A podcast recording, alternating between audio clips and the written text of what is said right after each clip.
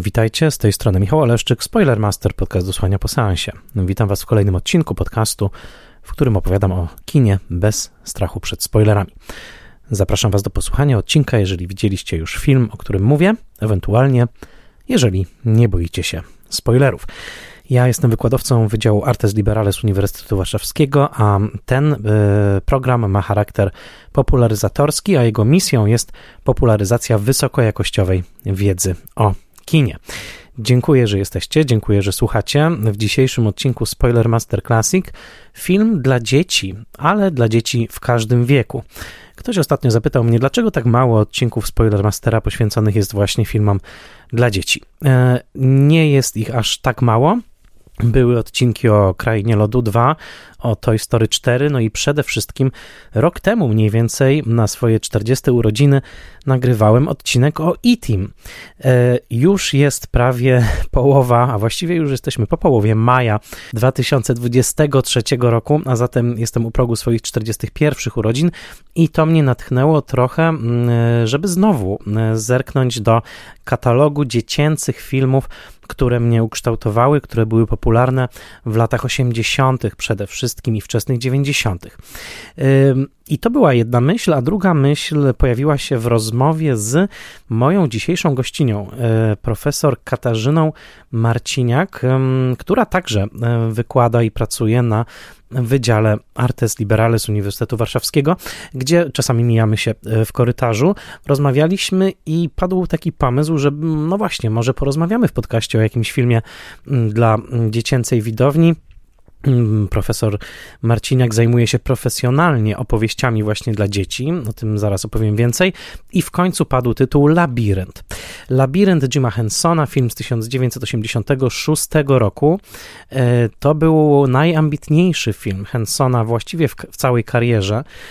Henson e, po raz pierwszy wprowadził swoje mapety do filmu o mapetach w 1979 roku, a w 1982 e, przy dużej współpracy grafika Briana e, Founda zrealizował mm, fantazy dla dzieci zatytułowane Ciemny Kryształ, The Dark Crystal. E, to, był, e, to, był taka, to była taka pierwsza próba e, zrealizowania czegoś trochę poważniejszego, też trochę bardziej mrocznego właśnie z udziałem mapetów i tych tworów pracowni Jima Hensona. Labirynt powstał później, był produkowany przez George'a Lucasa i w 1986 roku pojawił się na ekranach amerykańskich kin.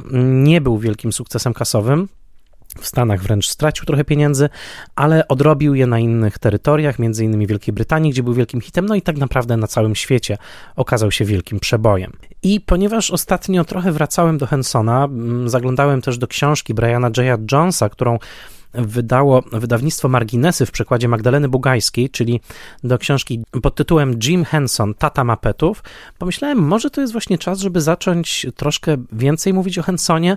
Na pewno Jim Henson obok Stevena Spielberga i Walta Disneya jest tym twórcą, e, który najbardziej wpłynął na moje dzieciństwo, bo obok produkcji disneyowskich i spielbergowskich to właśnie e, Jim Henson, mapety, fraglesy, czyli Fraggle Rock, nadawane przez polską telewizję i nadawana też od pewnego momentu mojego dzieciństwa ulica Sezamkowa, to wszystko były rzeczy, które niebywale mocno wpłynęły na moją także wyobraźnię i nie tylko na moją, myślę, że na naprawdę na miliony, miliony ludzi na całym świecie. I kiedy Kasia, już teraz przejdę na ty, bo mm, tak mm, mówimy do siebie w pracy, y, zaczęła mówić właśnie o labiryncie, pomyślałem, hmm, to jest bardzo, bardzo ciekawy film, także ze względu na to, że łączy różne elementy, y, bardziej humorystyczne, bardziej mroczne, y, także ma nieoczywiste wybory obsadowe, chociażby w postaci Davida Bowiego, a także tak się złożyło, że mm, czytałem więcej ostatnio o Elaine May, z powodu tego, że jestem wielkim fanem. Jeżeli śledziliście moje top 100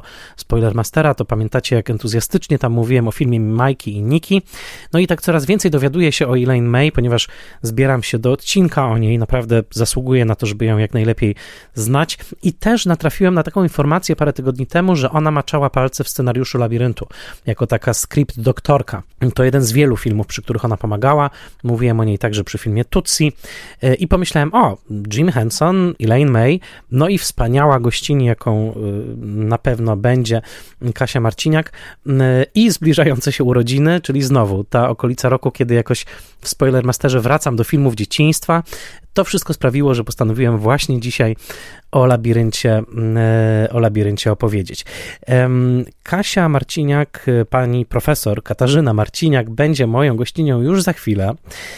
Powiem tyle, jej naukowe osiągnięcia mnie naprawdę onieśmielają. To jest e, wybitna naukowczyni, która zajmuje się już od lat mitologią, ale także kulturą dziecięcą i tym, w jaki sposób E, mity i kultura antyku przede wszystkim przejawiają się w opowieściach dla dzieci, przejawiają się we współczesnych narracjach. E, taki projekt, z którego mm, w świecie akademickim profesor Macieniak jest najbardziej znana, to projekt, który nazywa się Our Mythical Childhood, czyli nasze mityczne dzieciństwo. I też czułem taki trochę niedosyt rozmowy z nią, bo jest to niebywały umysł, który po prostu no, jest bardzo blisko mnie, przez to, że pracujemy w jednym miejscu, no ale ponieważ każdy jest zapracowany, to nie bardzo mamy czas, żeby porozmawiać. Więc pomyślałem, y, Spoiler Master będzie taką przestrzenią, w której ta rozmowa się w końcu, y, w końcu odbędzie. Labirynt to film fascynujący, to film, w którym spotyka się scenarzysta Terry Jones ze świata Monty Pythona, Jim Henson, David Bowie, pączkująca gwiazda Jennifer Connelly, która pojawiła się już w Spoilermasterze, kiedy mówiłem o dawno temu w Ameryce, Sergio Leone, gdzie zagrała mm, także jako bardzo młoda e, dziewczyna e, i w którym spotyka się bardzo wiele wątków mitologicznych e, i przede wszystkim w którym no, królują właśnie mapety, króluje kunszt Jima Hensona. I zanim porozmawiam z Kasią, to chcę bardzo mocno jedną rzecz podkreślić i mówię to zwłaszcza do słuchaczek i słuchaczy, którzy są moimi najmłodszy, najmłodszymi słuchaczami, to znaczy do osób urodzonych powiedzmy po roku 2000, że mm, kiedy będziecie oglądać y, Labirynt, y, to jest bardzo ważne, żeby pamiętać, że stwory, które występują w tym filmie, rzeczywiście istniały przed kamerą. E, nie w tym sensie, że były realnymi bytami jako stwory, ale sztuka animacji postaci, jaką tutaj widzicie, to nie jest komputerowo generowana e, e, warstwa wizualna. Innymi słowy, to nie jest CGI, to nie jest komputer, to nie jest tak, że aktorzy grali do pustych miejsc w green screenie czy blue screenie.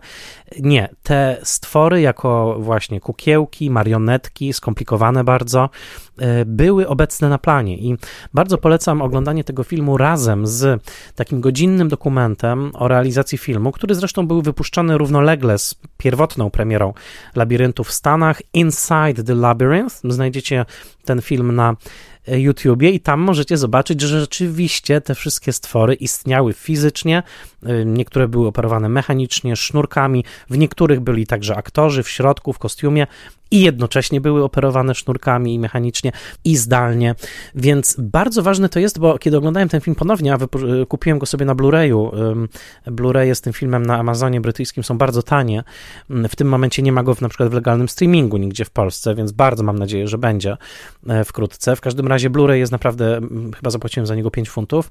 E, kiedy oglądałem go w tej wersji, to rozumiałem, jakie to jest cudowne mieć przed oczami film, nakręcony na taśmie światłoczułej, w którym naprawdę y, postawię tę tezę, czujemy taktylność tych postaci. To znaczy, nawet najlepsza komputerowa animacja pozostaje animacją, a tutaj widzimy rzeczywiście, jak światło się układa na tych postaciach. One chwilami po prostu mają taką ujmującą y, powierzchowność, fizyczność, która no, nadal, powiem takim moim umysłem sprzed inwazji czatu GPT, że mają swoją unikalną jakość i są jak żywe. Labirynt to jest odcinek, który ma wcześniejszą premierę niż planowałem. Oryginalnie dzisiaj planowałem premierę odcinka o pierwszym człowieku z blizną Howarda Hawksa, ale ponieważ rozmowa z profesor Marciniak tak cudownie się udała i naprawdę miała tak fantastyczną energię, pomyślałem, że nie chcę czekać i chcę się nią podzielić teraz, a zatem za tydzień zapraszam na odcinek o człowieku z blizną Hawksa, a już teraz zapraszam do mm, posłuchania rozmowy o labiryncie, o baśni, o tym, czym jest mitologia w baśni i tak naprawdę po co jako dzieci słuchamy opowieści i dlaczego dobrze jest, jeżeli te opowieści z nami zostają, jeżeli nie nie wyrzucamy ich z głowy razem z nadejściem dorosłości. Jak zawsze podkreślam, ten podcast powstaje i słuchacie go dzięki patronkom i patronom. Bez ich wsparcia nie mógłbym się angażować w ten projekt mm, i dlatego bardzo serdecznie im się kłaniam. Zachęcam także do wsparcia patronite.pl łamane przez Spoilermaster. Każda złotówka pomaga mi w tworzeniu tych cotygodniowych treści. Jeżeli nie chcecie wspierać w sposób ciągły, można także to zrobić w serwisie Buy Coffee 2 łamane przez Spoilermaster. Tam można e, wesprzeć mnie pojedynczymi wpłatami. Ale raz jeszcze, to, że Spoilermaster ląduje na e, platformach podcastowych co tydzień, e, po południu, wieczorem, w piątki, to jest bezpośrednia zasługa tego, że mam wsparcie patronek i patronów, więc jeżeli lubicie tę audycję, bardzo Was do tego zachęcam. Szczególnie dziękuję moim patronkom i patronom imiennym, czyli Agnieszce Egeman, Sebastianowi Firlikowi, Joannie i Dominikowi Gajom, Odiemu Hendersonowi, Beacie Hołowni, Adamowi Andrzejowi Jaworskiemu, Annie Jóźwiak, Tomaszowi Kopoczyńskiemu, Misiowi Misiowej i Misiowi Juniorowi, Jakubowi Mrozowi, Iwonie Oleszczuk-Jaźwieckiej, Annie i Krystianowi Oleszczykom, Władimirowi Panfiłowowi, Tomaszowi Pikulskiemu, Weronice Więsyk, Jackowi Wiśniewskiemu, Michałowi Żołnierukowi, a także blogowi Przygody Scenarzysty, prezentującemu analizy scenariuszowe. A teraz serdecznie zapraszam Was do wysłuchania mojej rozmowy z profesor Katarzyną Marciniak z Wydziału Artes Liberales Uniwersytetu Warszawskiego. Rozmowę zarejestrowaliśmy w warszawskim Studio Plac. Jest już ze mną e, profesor Katarzyna Marciniak. Witaj, Kasiu. Yy, witaj, Michale. Bardzo miło mi Cię widzieć, bo um, mijamy się bardzo często na e, korytarzach Wydziału Artes Liberales Uniwersytetu Warszawskiego ale rzadko jest okazja do rozmowy, bo każdy jest zajęty swoimi studentami, swoimi zajęciami, swoimi sprawami. No a, a y, często jest tak, powiem ci, że staję na przykład na, y, przeciwko tej wielkiej tablicy, na której są wypisane wszystkie zajęcia, jakie są prowadzone w Artes i trochę zatapiam się w takich marzeniach, bo myślę sobie, o Boże, jak fajnie byłoby postudiować tutaj, jak fajnie by było pochodzić właśnie na takie zajęcia, na przykład jakie ty prowadzisz, więc cieszę się, że dzisiaj będziemy mieli też pretekst, żeby po prostu porozmawiać o tym, czym się zajmujesz. Bardzo dziękuję i jest to całkowicie odwzajemnione doświadczenie, ponieważ ja też z wielkim zainteresowaniem śledzę twoje zajęcia z kina i bardzo też się cieszę, że jesteś jurorem w konkursie wideo, który organizujemy dla licealistów. Także mam nadzieję, że to też będzie kiedyś y, początek jakiejś większej współpracy, ponieważ kino, kultura dziecięca, kultura antyczna to jest y, wspaniałe pole do badań i, i, i do dydaktyki.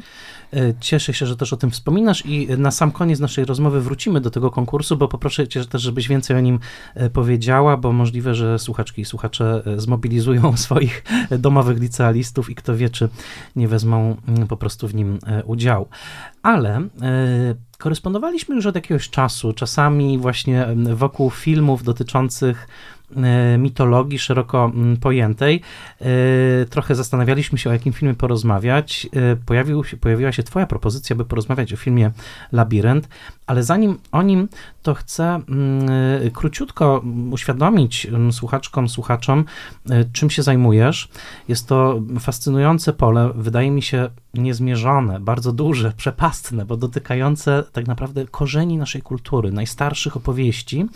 I tak się złożyło, że wczoraj w newsletterze, który mm, pracownicy Artes otrzymują, wyczytałem o, o Twoim najnowszym sukcesie, najnowszym projekcie, którego Ci notabene gratuluję. I ten projekt, y, nie przeczytam jego całej długiej nazwy, ale w tym projekcie pojawia się taka fraza, mianowicie Preparing Young People for Contemporary Challenges Through Innovative innovative use of classical mythology, czyli przygotowywanie młodych ludzi do współczesnych wyzwań z użyciem, innowacyjnym użyciem klasycznej mitologii. Powiedz nam mm, nie tylko, czego ten projekt dotyczy, ale jak w ogóle coś, co zostało napisane tysiące lat temu, może być stosowane do współczesnych wyzwań młodzieży która przede wszystkim porusza się w przestrzeni social mediów na przykład. Mhm. W tych badaniach y, uwzględniam dwa pola, y, które wydają się y, odległe od takiej dorosłej kultury, właśnie od wyzwań dorosłej współczesności, mm, że tak to określę. Właśnie antyk, ale antyk, który, który ja badam, traktuje w rozumieniu żywego doświadczenia kulturowego. To nie jest zamierzchła kamielina, która nie ma dzisiaj żadnego znaczenia. To jest dziedzictwo, które każdy z nas przetwarza w bardzo różny sposób i to jest dziedzictwo, które jest wspólne ludziom niemal na całym świecie z różnych powodów. Między innymi szkoła tutaj miała duże znaczenie w przekazywaniu kultury antycznej, ale dzisiaj również globalizacja, ponieważ antyk jest podstawą dla dzieł kultury, zarówno klasyki, arcydzieł, które znamy, nie wiem, z renesansu, z baroku, z oświecenia, ale również dzieł kultury współczesnej i antyka, w szczególności mitologia, stanowi taki kod porozumienia, który przekazujemy z pokolenia na pokolenie i dzięki temu możemy rozmawiać właśnie ponad wszelkimi granicami krajów, narodowości i pokoleń. I czasami właśnie mity pozwalają nam wyrazić to, czego nie da się wyrazić w inny sposób. Pozwalają mówić o sprawach trudnych, tak jak w micie Orfeusza i Eurytyki, kiedy mamy historię utraty bliskiej osoby. Mamy mit Achillesa, który już jako duch spotyka Odyseusza.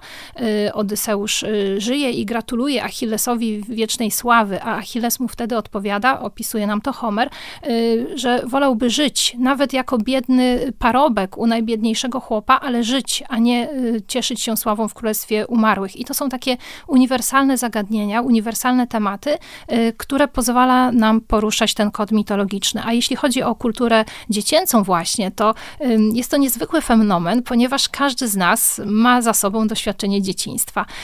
I dzieciństwo to jest taki okres dość paradoksalny, ponieważ w tym okresie czasie my musimy poznać zasady, które pozwalają nam funkcjonować w dorosłym świecie i y, dziecko musi nauczyć się samodzielności, ale jednocześnie w pewnym sensie oczywiście jako dorośli y, tę samodzielność ograniczamy.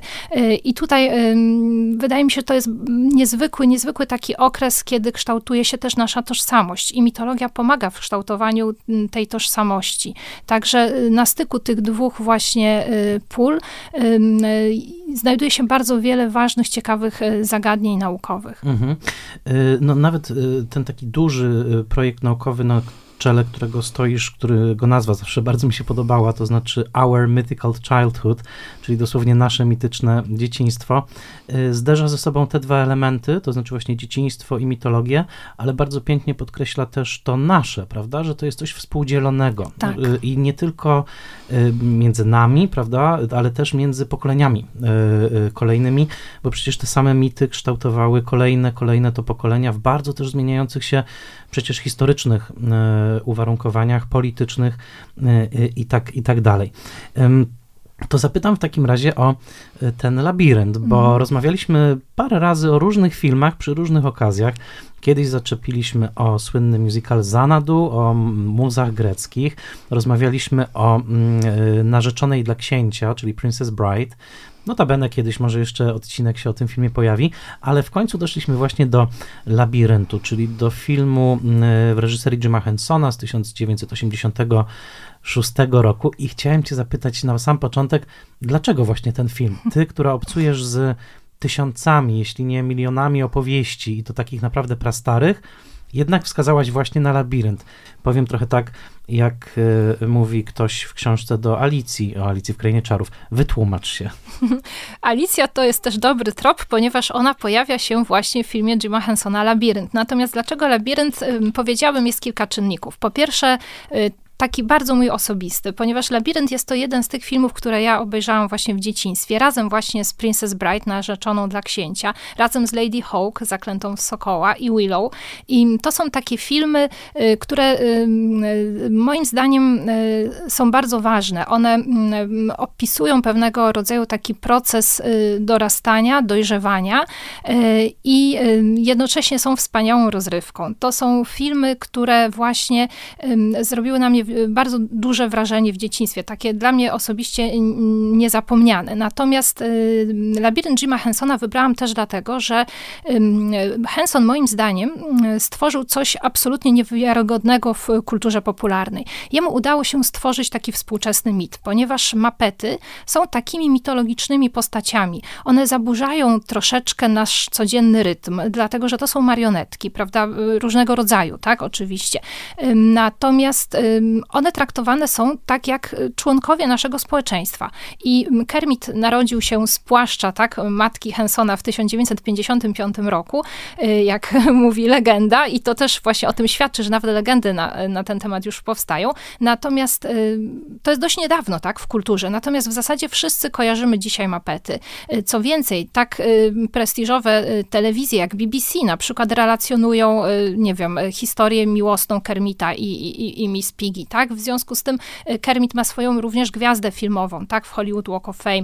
W związku z tym to są takie postaci, które, które współcześnie są pewnego rodzaju takimi mitami, ikonami popkultury, a jednocześnie też czerpią z tradycji starożytnego teatru. Właśnie Henson, wypowiadając się właśnie o labiryncie, wspomniał, że, że właśnie sztuka lalkarstwa to jest jedna z najstarszych sztuk właśnie wymyślonych przez człowieka, poświadczona już w tekstach starożytnych. Platon między innymi o niej pisał, nie zawsze w superlatywach, ale właśnie, właśnie wydaje mi się, że tutaj obserwujemy pewnego rodzaju narodziny też mitu. Jeżeli chodzi o labirynt, dla mnie to jest jeszcze taki film, który jest syntezą też myśli Jima Hensona i tam Henson przekazuje swoją wizję świata. On marzył o tym, żeby zostawić ten świat odrobinę lepszym.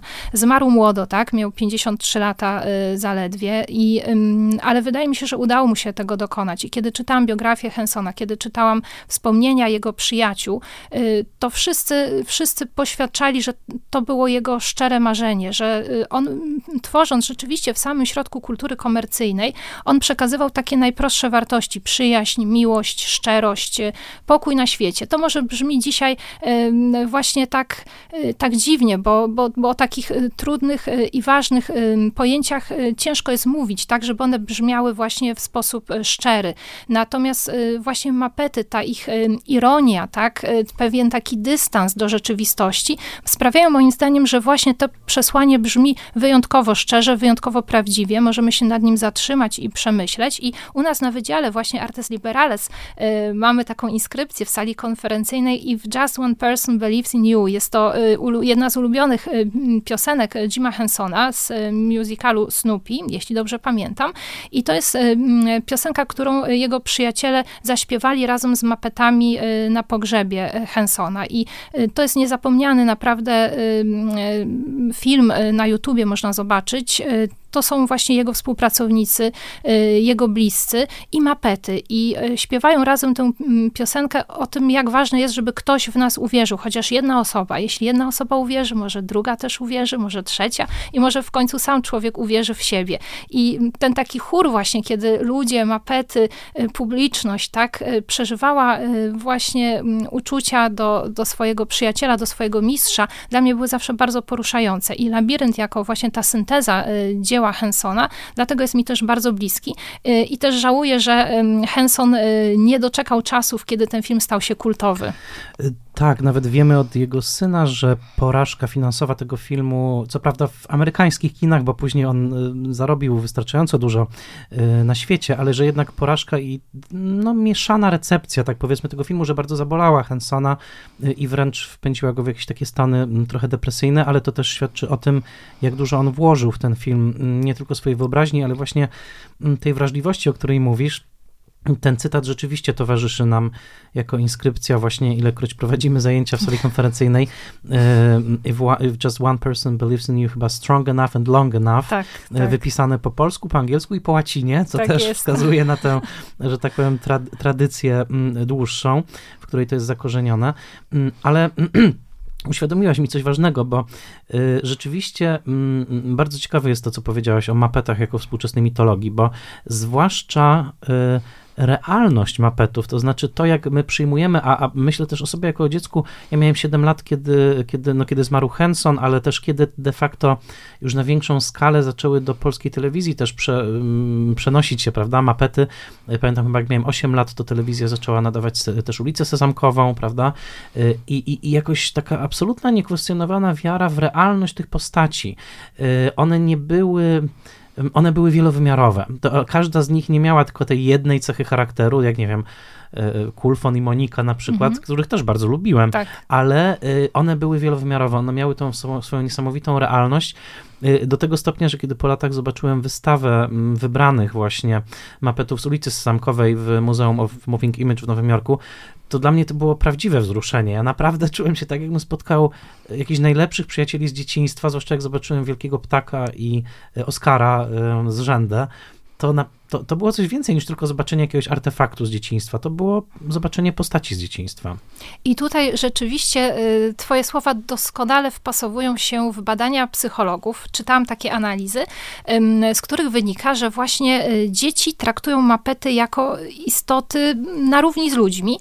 I kiedy rozmawiają właśnie z lalkarzem, który animuje danego mapeta, to nie mają żadnego problemu, żeby przechodzić w konwersacji od mapeta do człowieka w zupełnie naturalny sposób. I Frank Oz, e, przyjaciel właśnie Hensona e, i animator e, Mistrza Jody, który też brał udział właśnie w produkcji Labiryntu, on właśnie mm, powiedział, że Henson i, i właśnie cały jego zespół nigdy nie myśleli o tym, żeby tworzyć właśnie coś w sztuczny sposób pomyślane dla dzieci. Oni tworzyli właśnie cały świat i stawiali na szczerość doświadczenia i wydaje mi się, że to jest taka sztuka pełna paradoksów, ale właśnie dzięki temu osiąga, osiąga ten swój efekt, tak? Dzięki temu, że, że oni to naprawdę y, kochali, kochali to, co, co robili i wkładali w to serce i rzeczywiście stawiali właśnie na szczerość. Tam nie było takiej dydaktyki, ale na przykład w ulicy Sezamkowej przecież y, dziesiątki lat wstecz, tak? Pojawiały się y, różne trudne tematy, pojawiały się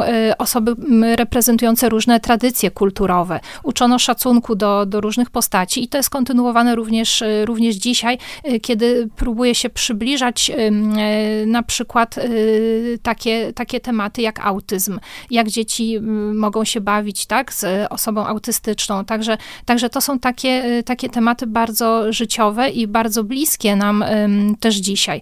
I wydaje mi się, że to, co jest jeszcze ważne w mapetach, one też pokazują, że nie musimy zostawić dzieciństwa gdzieś w przeszłości, że mhm. warto zachować fragment, tak, właśnie dlatego, że to jest też źródło radości w życiu zwłaszcza w trudnych momentach. I, y, i, nie musi, i, i mamy prawo do tego właśnie, żeby to dzieciństwo zabrać ze sobą, żeby zabrać ze sobą y, wszystkie te wspomnienia, które chcemy zabrać, y, więc żeby właśnie czerpać z nich siłę. I właśnie też o tym jest labirynt, tak mi się wydaje. No cudowne jest zakończenie właśnie labiryntu, że już przychodzę do samego filmu, w którym bohaterka podejmuje świadomą decyzję i mówi właśnie tym stworom z, z labiryntu, żeby one z nią zostały, prawda? Że ona tak. będzie ich potrzebowała to jest paradoksalne mm, zakończenie w świetle jakiejś takiej właśnie prostej dydaktyki, która mówiłaby, że przejście w dorosłość musi e, wiązać się z pożegnaniem się ze światem dziecinnej wyobraźni. E, znamy historię Petrusia Pana, który wręcz uciekł od dorosłości po to, żeby e, zamieszkać w krainie wiecznej baśni. Tymczasem labirynt mówi, mówi nie, no przecież Sara nie musi zamieszkać w labiryncie, będzie mieszkała w swoim amerykańskim miasteczku, ale ten świat jej przyjaciół po prostu, przyjaciół tak. z tej dziecięcej wyobraźni po prostu z nią zostanie.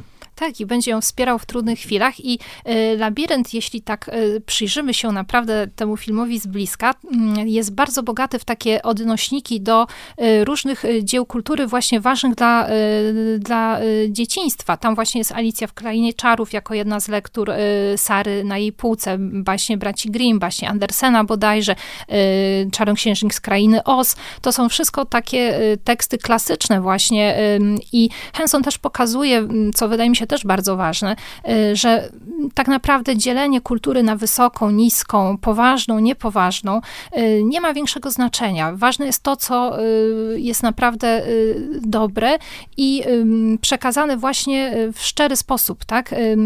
Frank Oz właśnie pisał w tym kontekście o pewnej takiej właśnie niewinności Hensona i miał właśnie na myśli to, że on chciał się dzielić tymi utworami, które na nim zrobiły wrażenie, tymi, które mu się naprawdę podobają. I wydaje mi się, że właśnie ten element emocji, y, oczywiście przepracowany tak w bardzo profesjonalny sposób, bo tutaj sama produkcja labiryntu to, to było naprawdę wyzwanie ogromne, ale właśnie ten element emocji sprawia, że dzieło broni się, tak, że jest ponadczasowe i dotyczy to moim zdaniem zarówno właśnie tekstów kultury dziecięcej, jak i dorosłej. Co więcej, kiedy wracamy jako dorośli do lektur czy filmów z dzieciństwa, albo te, które obejrzeliśmy w dzieciństwie, to jest to myślę taka też bardzo ciekawa konfrontacja z sobą samym, z naszymi przekonaniami, doświadczeniami i też inspiracja być może na przyszłość. Absolutnie, tak.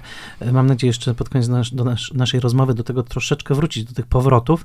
Na tej półce Sary znajdują się też książki Morisa Sendaka, co ciekawe, które chyba w momencie, kiedy ten film wchodził na nasze ekrany, to jeszcze nie były znane w Polsce, teraz on już chyba jest troszkę lepiej, lepiej u, nas, u nas znany. Ale wspomniałeś o mieszaniu kultury wysokiej i niskiej. Ja bym powiedział też, że Henson miesza ciekawie kulturę dziecięcą i dorosłą w e, Labiryncie. Jednym, głównym w zasadzie scenarzystą filmu był członek e, ekipy Monty, Monty Pythona, a w roli um, króla goblinów wystąpił David Bowie, jak najbardziej kojarzony wręcz taką dorosłą, a nawet trochę perwersyjną, prawda, transgresyjną seksualnością i do tego na pewno jeszcze wrócimy, ale zacznijmy od samego tytułu i w ogóle od motywu labiryntu, bo domyślam się i zadaję to pytanie trochę z taką nieśmiałością, drżeniem, bo to jest przecież jakiś ogromnie no, pojemny tak, motyw w kulturze. Powiedz mi, czy możemy w ogóle powiedzieć, skąd on jest mhm. wywiedziony i skąd go y, Henson tutaj zaczerpnął? Y, skąd go zaczępnął Hernson, to możemy powiedzieć właśnie dzięki, dzięki wspomnieniom jego, jego ekipy. Natomiast sam motyw labiryntu jest y, bardzo, bardzo starym, wręcz takim archetypicznym toposem. Y, oczywiście najsłynniejszy labirynt to jest labirynt kreteński, labirynt Minotaura, poświadczony oczywiście w źródłach starożytnych, ale również w postaci też wykopalisk archeologicznych. Oczywiście nie wiemy, czy ten pałac, prawda, prawda, w Knossos był labiryntem, y, ale, ale chodzi o, o sam, sam mit, tak? Sam mit labiryntu zbudowanego przez Dedala y, w celu uwięzienia Minotaura, tak? Tego potwora, y, któremu właśnie Ateńczycy musieli składać daninę z siedmiu dziewcząt, z siedmiu chłopców i ten mit inspiruje zresztą do dzisiaj bardzo wielu twórców, tak? Labiryntów mamy mnóstwo, tak? I w filmach, i, i w książkach. Natomiast w przypadku labiryntu Jima Hensona wszystko zaczęło się od y, rysunku Briana Froda, który, który właśnie mm, przygotował bardzo wiele, wiele, y, wiele projektów dla Hensona. On narysował dziecko otoczone goblinami. Y, I to było nawiązanie w pewnym sensie właśnie do Morisa Sendaka, zarówno do tej książki Tam, gdzie żyją dzikie stwory z 63 roku, jak i do jego książki późniejszej, Outside Over There, która wydaje mi się nie została przetłumaczona na e, język polski, a ona jest kluczowa dla labiryntu, ponieważ opowiada e, historię e, dziewczynki, której mała siostrzyczka zostaje porwana przez gobliny. I Henson i Freud szukali kontekstu, tak, w jakim kierunku mogliby iść z rozwojem fabuły. I właśnie z pomocą przyszła im też córka Hensona Liza, która wtedy kończyła studia na Harvardzie i zajmowała się między innymi mitologią. I oczywiście George Lucas, który był wielkim fanem e, książki Josepha Campbella, Bohater o tysiąca, tysiącu twarzy. I to jest właśnie książka, która e, pokazuje taki monomit, taki motyw podróży bohatera, który dojrzewa tak aż do największej, e, tej naj, naj, naj, naj, aż dojrzewa aż do konfrontacji, tak, z największym swoim przeciwnikiem i po tej konfrontacji zmienia się świat, tak, zarówno dla niego osobiście, jak i też świat w takim takim e, szerszym wymiarze. I tak krok po kroku e, dochodzili do tego, żeby umieścić akcję właśnie w labiryncie. I mm, e, labirynt sam w sobie jako motyw jest bardzo ciekawy, ponieważ labirynt może być zarówno mentalny, jak i fizyczny. I z początku Henson nawet myślał o takim tytule The Mind Maze, prawda? Używał tego alternatywnego określenia dla, dla labiryntu. Natomiast, natomiast labirynt również jest pewnego rodzaju taką paradoksalną konstrukcją, ponieważ uosabia zarówno y, porządek, jak i chaos, y, prostotę, jak i zawikłanie, y, zagubienie siebie, ale również odnalezienie się. W związku z tym okazało się, że ten topos znakomicie sprawdził się, żeby przedstawić taką podróż głównej bohaterki do dojrzałości. I w starożytności mamy bardzo wiele ciekawych przekazów dotyczących właśnie labiryntu i Minotaura. Na przykład Owidiusz, wspominając Minotaura posługuje się terminem juvenis, czyli nazywa go młodzieńcem, tak? I to powoduje, że zaczynamy myśleć o nim troszeczkę inaczej.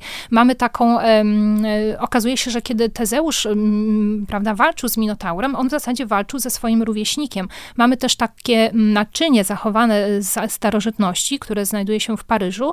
E, to jest taka czara i na niej narysowana jest y, Pazyfae, matka Minotaura i y, Minotaur jako niemowlę. Hmm. Także już w starożytności potrafiono patrzeć na mit y, Minotaura z innej perspektywy. I w samym labiryncie my mamy też tego naszego Minotaura Hensonowego i to jest właśnie Ludo. I Ludo to jest taki Minotaur, który właśnie uczy nas tego, co chciał przekazać Henson, żeby nie sądzić nikogo po pozorach. Ponieważ Ludo okazuje się bardzo sympatycznym bohaterem, który staje się szybko szybko przyjacielem Sary, y, właśnie dlatego, że y, Sara y, potrafi zobaczyć w nim istotę, która czuje, istotę, która przeżywa. Samo imię Ludo jest też niesamowite, ponieważ po łacinie Ludo, pierwsza osoba czasownika luder, znaczy bawię się.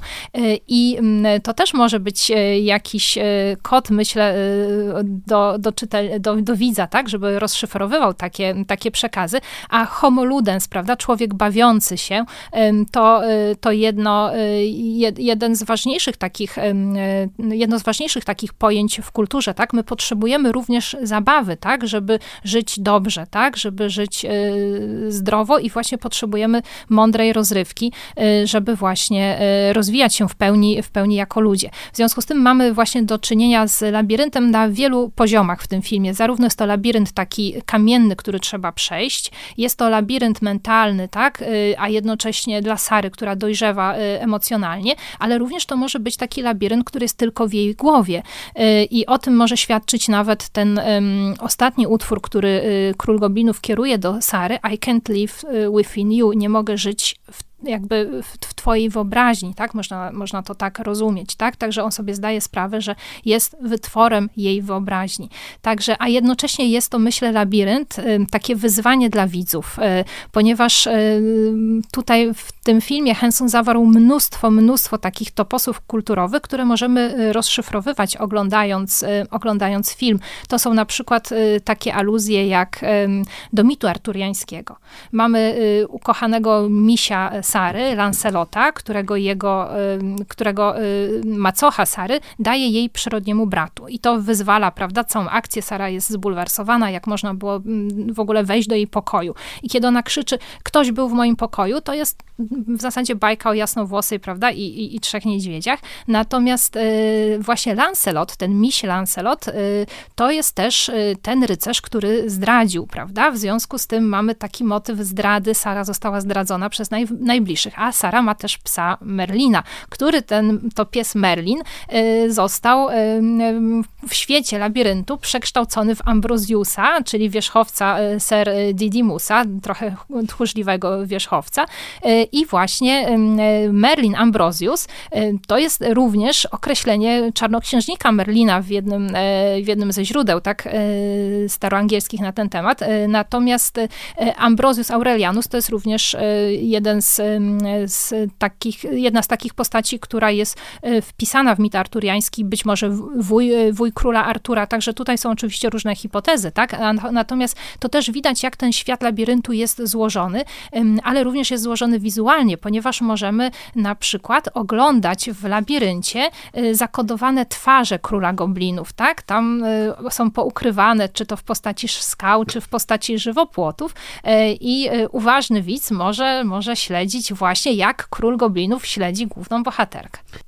Labirynt może być więzieniem dla Minotaura, ale jest z kolei wyzwaniem dla tego, kto do labiryntu wchodzi. Jest rodzajem wyzwania, zagadki, a przy okazji okazuje się jakąś taką matrycą wewnętrznego świata. Bo przecież poprzez pokonywanie kolejnych korytarzy i e, zagadek obecnych w labiryncie, Sara coraz to lepiej poznaje także samą siebie. I e, to, co zwróciło uwagę moją, zwłaszcza po latach, e, bo oczywiście jak po raz pierwszy oglądałem Labirynt, to byłem jeszcze przed E, przed lekturami chociażby Freuda czy różnym, różnych psychoanalitycznych autorów, jak wiele tam jest takich elementów związanych ze sferą jakoś stabilizowaną, prawda? Myślę o tym, e, nie wiem jak to jest w polskim przekładzie, bagnie wiecznego odoru czy smrodu, tak, tak. Bog of Eternal Stench, prawda, gdzie mamy te wszystkie wyparte, powiedzmy, zapachy cielesne, e, które kultura każe, prawda, przesunąć za, za granicę obsceniczności. Mamy także to, co po angielsku nazywa się shaft of hands, czyli dosłownie taki no, tunel, tak, czy, czy studnie, w której jest kilkaset dłoni, które dotykają bohaterkę i to też, no, to jest taki dotyk jakby no niechciany, to jest coś, co, mhm. co jest rodzajem inwazji, prawda, tak, w, tak. w prywatność. I takich rzeczy jest tam o wiele więcej takich właśnie, można powiedzieć, w których bohaterka w ramach pokonywania labiryntu musi się zetknąć z tym, co na co dzień jest właśnie zepchnięte, wyparte, być może otoczone jakimś e, właśnie murem, murem tabu. E, no i chyba centralnym tabu tutaj jest ta przedziwna scena snu, balu, w którym y, okazuje się, że pomiędzy nią, y, tą młodą dziewczyną, ale też młodą kobietą, która jest pomiędzy tymi dwoma stanami, jest jakiś rodzaj erotycznej fascynacji właśnie dla króla goblinów, zresztą obust, obopólny. Innymi słowy, labirynt jest także granicą w tym filmie pomiędzy tym, co dziecięce, niewinne, a tym, co, y, a tym spotkaniem z samym sobą już w tym pełnym dorosłym wymiarze, który musi uwzględnić także te wszystkie rzeczy, y, które kultura jakoś tabuizuje. Y, czy możemy też czytać właśnie ten film w taki sposób, że jest to film o powolnym spotkaniu z tym, co jest objęte tabu? Myślę, że tak. I tutaj bardzo ważnym takim przesłaniem jest to, że Sara w tym labiryncie spotyka przyjaciół, tak? Spotyka przyjaciół, na których może liczyć, właśnie też w takich ciężkich konfrontacjach. I tutaj, zanim przejdziemy do Króla Goblinów, to chciałabym też wspomnieć Ser Didymusa, czyli tego szlachetnego rycerza, który w swojej e, właśnie mapetowej formie nawiązuje do Robin Hooda e, z animowanej wersji e, Disneya, takiego właśnie trochę lisa, trochę wiewiórki. I Ser Didymus jest taką postacią właśnie rycerza bez skazy, który absolutnie nie przystaje do rzeczywistości. I Sara, konfrontując się z labiryntem, konfrontuje się też z takimi ideałami, jak dalej żyć, właśnie żeby nie spłonąć, tak? Właśnie, żeby zachować swoje dziecięce ideały i marzenia, ale jednocześnie też żyć w sposób dojrzały. I tutaj Król Goblinów, myślę, jest takim właśnie ostatecznym przeciwnikiem w tej campbellowskiej, prawda, wizji wędrówki bohatera. I to jest y, David Bowie, y, którego, y, który od początku Henson zastanawiał się tak nad Stingiem, nad Prince'em, nad Rodem Stewartem, natomiast zobaczył z synem właśnie Davida Bowie na Broadwayu i w, w, w sztuce Człowiek Słoń i uznał właśnie, że to jest, to jest ten, to jest ten, ten artysta. I tutaj to jest bardzo ciekawe, ponieważ w scenie balu mamy mm, do czynienia właśnie z takim spełnieniem marzenia Sary, tak? Ona ewidentnie jest zafascynowana królem goblinów, on jest zafascynowany nią, natomiast jest to y, sytuacja bardzo niezdrowa, tak? Y, Sara jest w białej sukni na tym balu, wygląda jak panna młoda, jednocześnie jest to taka suknia ciężka, barokowa, która ją przytłacza, a Sara znajduje się w miejscu, w którym nie powinna być, ponieważ to jest taka scena, w której pojawiają się właśnie nie mapety, ale postaci ludzkie, ubrane w taki sposób y, bardzo, bym powiedziała, odważny. Y, I to są postaci, tam pojawia się też taki wąż, który wyskakuje tak z pudełka. Co więcej, jedna z tych kobiet, y, przybliżając się do króla goblinów, y, mówi, to można odczytać z ruchu war, wark, she's too young, ona jest za młoda do, dla ciebie. I faktycznie Jennifer Connelly, kiedy grała, prawda, Sarę, ona miała około 15 lat, David Bowie miał około 39, natomiast król goblinów, tak, mógł mieć nawet kilkaset lat, tak, w związku z tym tym, to nie jest y, relacja dla Sary, tak? I, i co więcej, spotkałam się z taką bardzo ciekawą interpretacją e, postaci e, Króla Goblinów, e, którą zaproponowała fińska muzykolożka Sanna Quick. Ona zinterpretowała Króla Goblinów jako syrenę. Syrenę, która kusi Sarę za pomocą utworów muzycznych. I rzeczywiście As the World Falls Down to jest jedna z moim zdaniem najbardziej niedocenionych rockowych ballad ballad y, na świecie. Jest to piękna pieśń, w której król goblinów obiecuje Sarze wszystko, o czym ona marzy. Natomiast y, Sara y, musi sobie uświadomić w trakcie tej podróży przez labirynt, w trakcie tej podróży w głąb siebie, że to nie jest ta relacja, na którą ona jest gotowa. I rzeczywiście ona wygrywa konfrontację z królem goblinów w tej ostatniej scenie, kiedy słyszy znów utwór muzyczny piękny Within You i, i wtedy właśnie, wtedy okazuje się, że, że ona, że udaje jej się tę pokusę syreny tutaj odeprzeć. I to jest bardzo dla mnie ciekawe, dlatego że jedyny w zasadzie, poza oczywiście epizodem w trakcie wyprawy Argonautów, ale jedynym takim słynnym herosem, powiedzmy, którym udało się pokonać Syreny, był Odyseusz. I dlaczego mu się udało? Udało mu się dlatego, że był przywiązany do y, okrętu, tak, przez swoich ludzi. I to jest, myślę, też bardzo taki ciekawy motyw, ponieważ on na pewien moment zrezygnował ze swojej wolności, tak, on, król i taki wódz, prawda, całego swojego, całej swojej drużyny pod Troje w drodze powrotnej zrezygnował z wolności, żeby wysłuchać syren, ale sam nie byłby w stanie im się oprzeć. Natomiast Sara opiera się tej e, hmm. syrenie, tak, królowi goblinów i rzeczywiście syreny były ptasie w starożytności. Te pierwsze syreny, zanim stały się takimi morskimi, prawda, demonami, one były, one były mm, oczywiście nad, nad, nad wodą nadal, ale były, były takie ptasie, tak. I tutaj e, same, mm, sama e, kostiumy, tak, Davida Bowie, one również są takie ptasie. Ja miałam właśnie mm, przyjemność zobaczyć wystawę poświęconą Davidowi Bowiemu e, w, w Berlinie.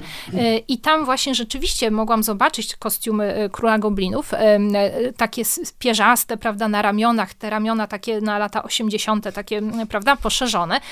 Więc rzeczywiście tutaj jest taki, taki motyw obecny. I teraz zastanawiałam się, dlaczego Sarze udaje się, prawda, pokonać to, to wyzwanie największe dla niej, tak?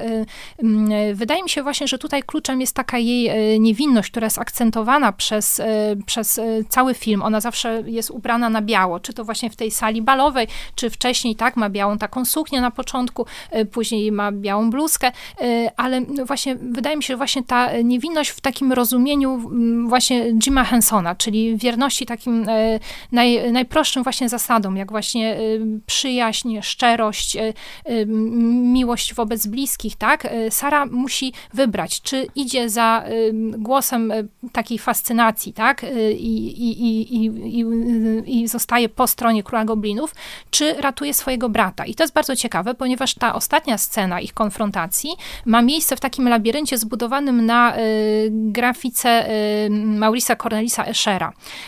I tam nie ma... Pod tytułem względność. Względność, chyba, tak, tak mhm. względność. I tam nie ma i tam nie ma w tym labiryncie Eschera zaułków ślepych tam jest przepaść, prawda? I teraz Sara staje nad przepaścią, widzi, że jej e, przyrodni brat Tobi może za chwilę również e, osunąć się w przepaść i zginąć, i ona wtedy musi podjąć decyzję, tak? Czy e, uwierzy w siebie i skoczy i będzie ratować tego brata, ale jednocześnie też zaryzykuje życie, czy porzuci tę swoją, prawda, misję, tak, ratunkową. I ona wybiera właśnie miłość do brata, tak? Wybiera, wybiera podejmowanie podejmuje taki dojrzały wybór, tak, y, i postanawia poświęcić życie, tak, ponieważ ona skacze i nie wie, co się potem stanie, tak, więc postanawia poświęcić życie, y, żeby spróbować tego brata uratować. I myślę, że właśnie to jest y, to, co ratuje Sarę z kolei w tej konfrontacji z królem goblinów. Poświęcenie właśnie dla, y, dla, dla innego człowieka. Ale właśnie i tutaj warto wrócić do samego początku opowieści, bo to jest fascynujące, co mówisz i wydaje mi się, że w ogóle genialne jest to użycie tej względności Eschera, tym bardziej, że ona jest y, naprawdę niesamowicie przełożona na język filmu, prawda, bo Rycina to jedno, ona, tak. ona ma swój geniusz, tak. ale przełożenie tego na ruchomy obraz jest naprawdę niesamowita. Natomiast ta względność właśnie jest czymś, y, co, co, co jest trochę dla mnie kluczem całego konfliktu obecnego w tym filmie. Pamiętajmy też, że to jest film, który no już przychodzi powiedzmy tak 20 lat po zawirowaniach kontrkultury, prawda, lat 60., w czasie, kiedy na nowo też próbuje się definiować, prawda, relacje wszelkie, rodzinne, intymne, różne. I tutaj mamy tą bohaterkę, która na samym początku odrzuca jednak tą opiekę nad swoim, nad swoim braciszkiem. Dodajmy, że jest to braciszek przyrodni, bo mm, ona ma macochę, mm, ale tak, jest to jej przyrodni brat Tobi. Y, I, i, I od tego wszystko się tak naprawdę zaczyna. W pierwszych wersjach scenariusza y, on był po prostu porwany. Natomiast tutaj, y, czyli jakby to było niezależne od niej, tak? Przyszedł ktoś, porwał brata. Natomiast tutaj ona wypowiada wyraźne życzenie. Gobliny wręcz nawet czekają na ten moment, kiedy ona wypowie to życzenie a, a, a bazą tego życzenia no jest taka no, niechęć do zajmowania się tym, tym małym człowiekiem, który cały czas czegoś potrzebuje, który płacze, który zabiera jej ulubionego misia, prawda, który nie zna tych granic tego, co jest moje, co jest twoje. Innymi słowy, czy możemy to traktować tak, że na początku mamy bohaterkę, która po prostu czuje taką, no, niesprawiedliwość tego, tego urządzenia świata, tak, w którym ktoś wymaga naszej opieki, w którym ktoś wymaga naszej ofiary, w którym ktoś wymaga y, też poświęcenia tej cząstki swojej wolności, właśnie po to, żeby ta druga osoba mogła mogła funkcjonować. Czy w tym sensie ona po prostu uczy się na naszych oczach odpowiedzialności za, za drugiego, można to tak powiedzieć? Myślę, że tak i myślę, że nawet możemy na to spojrzeć y, jeszcze głębiej. Sara jest taką postacią, myślę, y, głęboko nieszczęśliwą na początku filmu, tak? Mm, Henson pokazuje rodzinę, właśnie tak jak wspomniałeś, nietradycyjną, tak? Sara ma macochę i wyobraża sobie siebie w, tak, w roli takiej troszeczkę księżniczki gnębionej przez macochę, która wcale nie jest pokazana w sposób negatywny, wprost przeciwnie, jest to kobieta, która chce nawiązać relację z Sarą, która wręcz nawet y, interesuje się y, Sary życiem uczuciowym, którego ona nie prowadzi, tak? Która wcale nie chce jej wykorzystywać do tego, żeby ona zajmowała się tym bratem, ale wyjątkowo została z nim, żeby ona, żeby, żeby właśnie macocha mogła wyjść y, z jej ojcem wieczorem, tak? Natomiast Sara wyobraża sobie siebie jako taką gnębioną, prawda, księżniczkę, głęboko nieszczęśliwą i czuje się głęboko nieszczęśliwa. Widzimy w jej sypialni zdjęcie kobiety, właśnie tam też pojawia się David Bowie. Nie wiemy, czy to jest jej matka, nie wiemy, czy jej matka nie żyje, czy jej matka jest na przykład aktorką, tak, i, i, i stąd właśnie Sary też taka fascynacja sztuką teatru.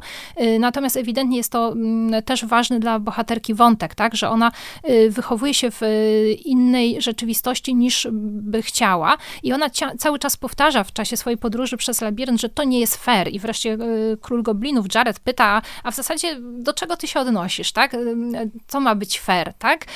I, i, i Sara wy, wymawia, wypowiada to życzenie, żeby gobliny porwały jej brata. I to jest też, myślę, bardzo ciekawy taki motyw z kolei folklorystyczny, dlatego że w folklorze tak złego ducha trzeba zaprosić do domu, tak? One nie mają tak wstępu, tak? Do, do przestrzeni bezpiecznej domowej, jeżeli się ich nie zaprosi, tak? Więc Sara zaprasza gobliny w pewnym sensie, które porywają jej brata i pojawia się król goblinów. I e, Sara właśnie w trakcie podróży przez labirynt musi skonfrontować się ze swoimi lękami, ze swoimi potrzebami i też musi nauczyć się nawiązywać e, prawdziwe, szczere przyjaźnie. I to jest właśnie też taki paradoks, myślę, labiryntu, że właśnie on uczy nas, właśnie fantastyka, tak, fantasy adventure, jak mówi się o tym filmie też, uczy nas właśnie życia, tak, życia jak najbardziej rzeczywistego, tak, i tu myślę taką postacią ważną dla Sary jest moim zdaniem Hoggle. Jedna z najbardziej skomplikowanych również do animowania postaci. Tam podobno cztery osoby były odpowiedzialne za każdą część ciała, prawda, Hogla i, i też w środku był, była aktorka, tak, tej postaci. W związku z tym to jest też taki bohater, który nie wierzy w przyjaźń, e, jest dość obcesowy, nieprzyjemny, dba o rzeczy... Chciwy taki Chciwy, też. tak, bo dba o rzeczy materialne tylko, natomiast później jeszcze zdradza Sarę, ponieważ podaje jej przed sceną balową, o której mówiliśmy, podaje ten zatruty owoc, tak, tę brzoskwinię i Sara wtedy wchodzi w taką rolę troszeczkę Persefony, tak, e, troszeczkę może Królewny Śnieżki, mm. więc, więc tych odwołań oczywiście jest bardzo dużo. Natomiast później Hogl również ryzykuje własne życie, żeby uratować Sarę, tak, i Sara musi e, nauczyć się właśnie też sztuki wybaczania, tak, sztuki rozumienia innej, innej postaci, tak, patrzenia na nią y, poprzez pryzmat również jej słabości. I myślę, że to jest też bardzo piękne, dlatego że y, Ludo jest taką postacią, w przypadku której y, Sara musi rozwinąć swoją empatię do innej istoty, która z pozoru wygląda groźnie, przerażająco, może być niebezpieczna, natomiast Sara uczy się właśnie patrzeć na nią jak na przyjaciela, patrzeć właśnie poza jej zewnętrzny wygląd. Natomiast Hoggle właśnie jest taką postacią, która jest dużo większym wyzwaniem, ponieważ testuje Sary empatię i ona dużo uczy się właśnie w konfrontacji z Hoglem, bo ona również podobne, podobne przeżywa dylematy, tylko oczywiście w inny sposób. Mm, mm, to jest bardzo ciekawe. Ja chciałem jeszcze dotknąć tego motywu mm, Króla Goblinów troszeczkę w innej perspektywie, bo wiemy też z wywiadów z twórcami, że częściowo inspiracji dla, tego, dla tej postaci dostarczyła dotyczyły y, postaci z powieści sióstr Bronte, Heathcliff z tak. Wichrowych Wzgórz i Rochester z y, Dziwnych Losów Jane Eyre y, i y, w ogóle jak patrzymy, to jest też sprytnie zrobione w tym filmie, że jak po raz pierwszy widzimy bohaterkę, y, to to jest tak sfilmowane na tle takiego parku, ona jest też ubrana w białą suknię, mhm. że moglibyśmy uwierzyć, że to się dzieje gdzieś, prawda, w Wielkiej Brytanii tak. wieku XIX. No i skoro już Jim Henson wywołuje tego ja, ja to powiem tak, roma, może trochę za Marią Janion, romantycznego ducha, tak. prawda, ducha romantyzmu, to czy to nie jest też troszeczkę film o tym, jakie są niebezpieczeństwa bycia uwiedzionym przez tę romantyczną wyobraźnię, właśnie tę, która u sióstr Bronte no, wykwitła, zresztą dodajmy, no, one były niewiele starsze w momencie, kiedy tworzyły te opowieści, tak. prawda? Bardzo mocno też nasycone e, elementami gotyckimi i tak dalej. Czy labirynt nie jest trochę takim właśnie może przestrogą przed tą e, romantyczną wyobraźnią, która właśnie stawia na piedestale tą postać no, no, no, no, no złą, trzeba powiedzieć, tak? Właśnie tego Heathcliffa, tego mm, Rochestera, czy właśnie Króla Goblinu, który samą mocą swojej tajemniczości, charyzmy, ale także odosobnienia, to bardzo ważne, że jest bardzo samotną postacią. On ma poddanych, ale nie ma przyjaciół. Czy, czy możemy to w ogóle tak czytać, że, że Henson trochę przekierowuje, powiedzmy, nasze, nasze myślenie w stronę jakiejś wizji bardziej, nie wiem, inkluzywnej, może bardziej e, paradoksalnie realistycznej niż, niż ten romantyczny taki fantazmat tajemniczego, yy, skrzywdzonego, ale też bardzo niebezpiecznego mężczyzny?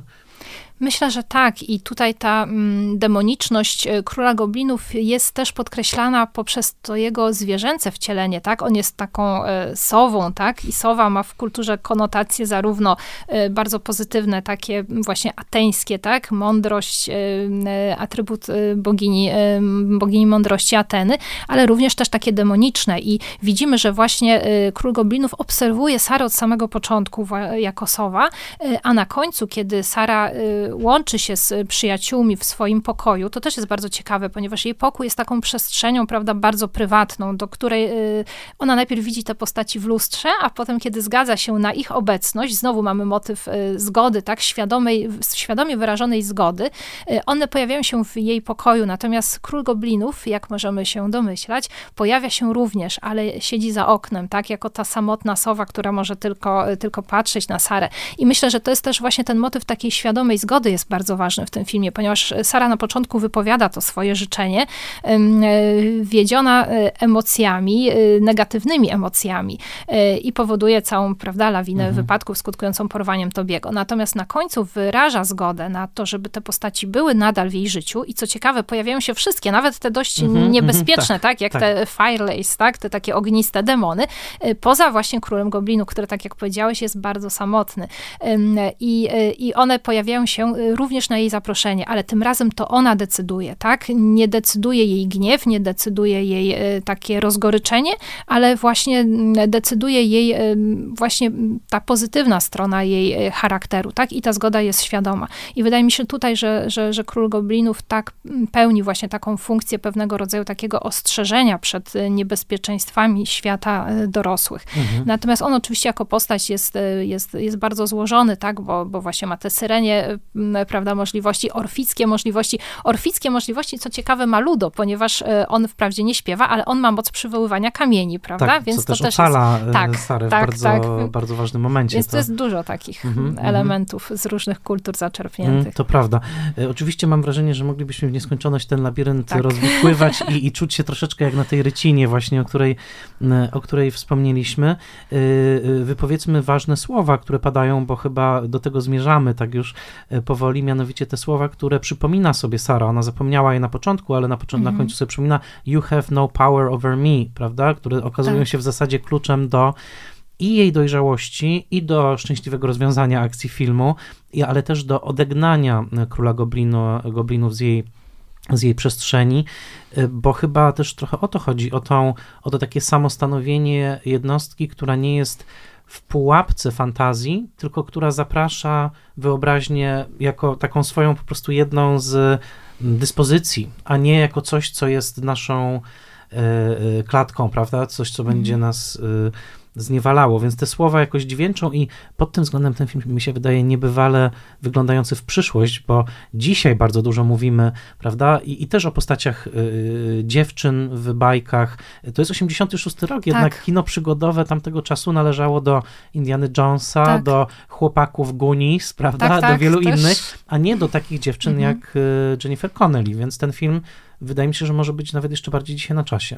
Tak, i nawet Henson uważał, że być może jedną, y, jednym ze źródeł jego porażki, tak, y, jeśli chodzi o, o dystrybucję filmową, właśnie było to, że to była kobieca bohaterka, ale on ani razu nie żałował, że właśnie zdecydował się na kobiecą bohaterkę.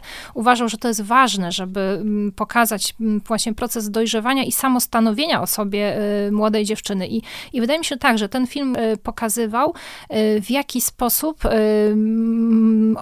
młode osoby mogą uczestniczyć w życiu dorosłym, które zawiera wiele pokus i to też takich, ale nie tylko pokus, również takich doświadczeń, e, których e, te osoby sobie nie życzą, tak? I w tym filmie pokazane jest, jak Sara uczy się tej asertywności i jak uczy się e, prosić przyjaciół o pomoc wtedy, kiedy nie jest sobie sama w stanie poradzić z jakąś sytuacją. I myślę, że to jest właśnie ta droga do dojrzałości, którą chciał e, pokazać Henson, że właśnie dzieciństwo i, i takie filmy e, mogą dać nam siłę e, w różnych trudnych momentach w przyszłości. I, I dlatego wydaje mi się, że to jest taki film ponadczasowy tak naprawdę.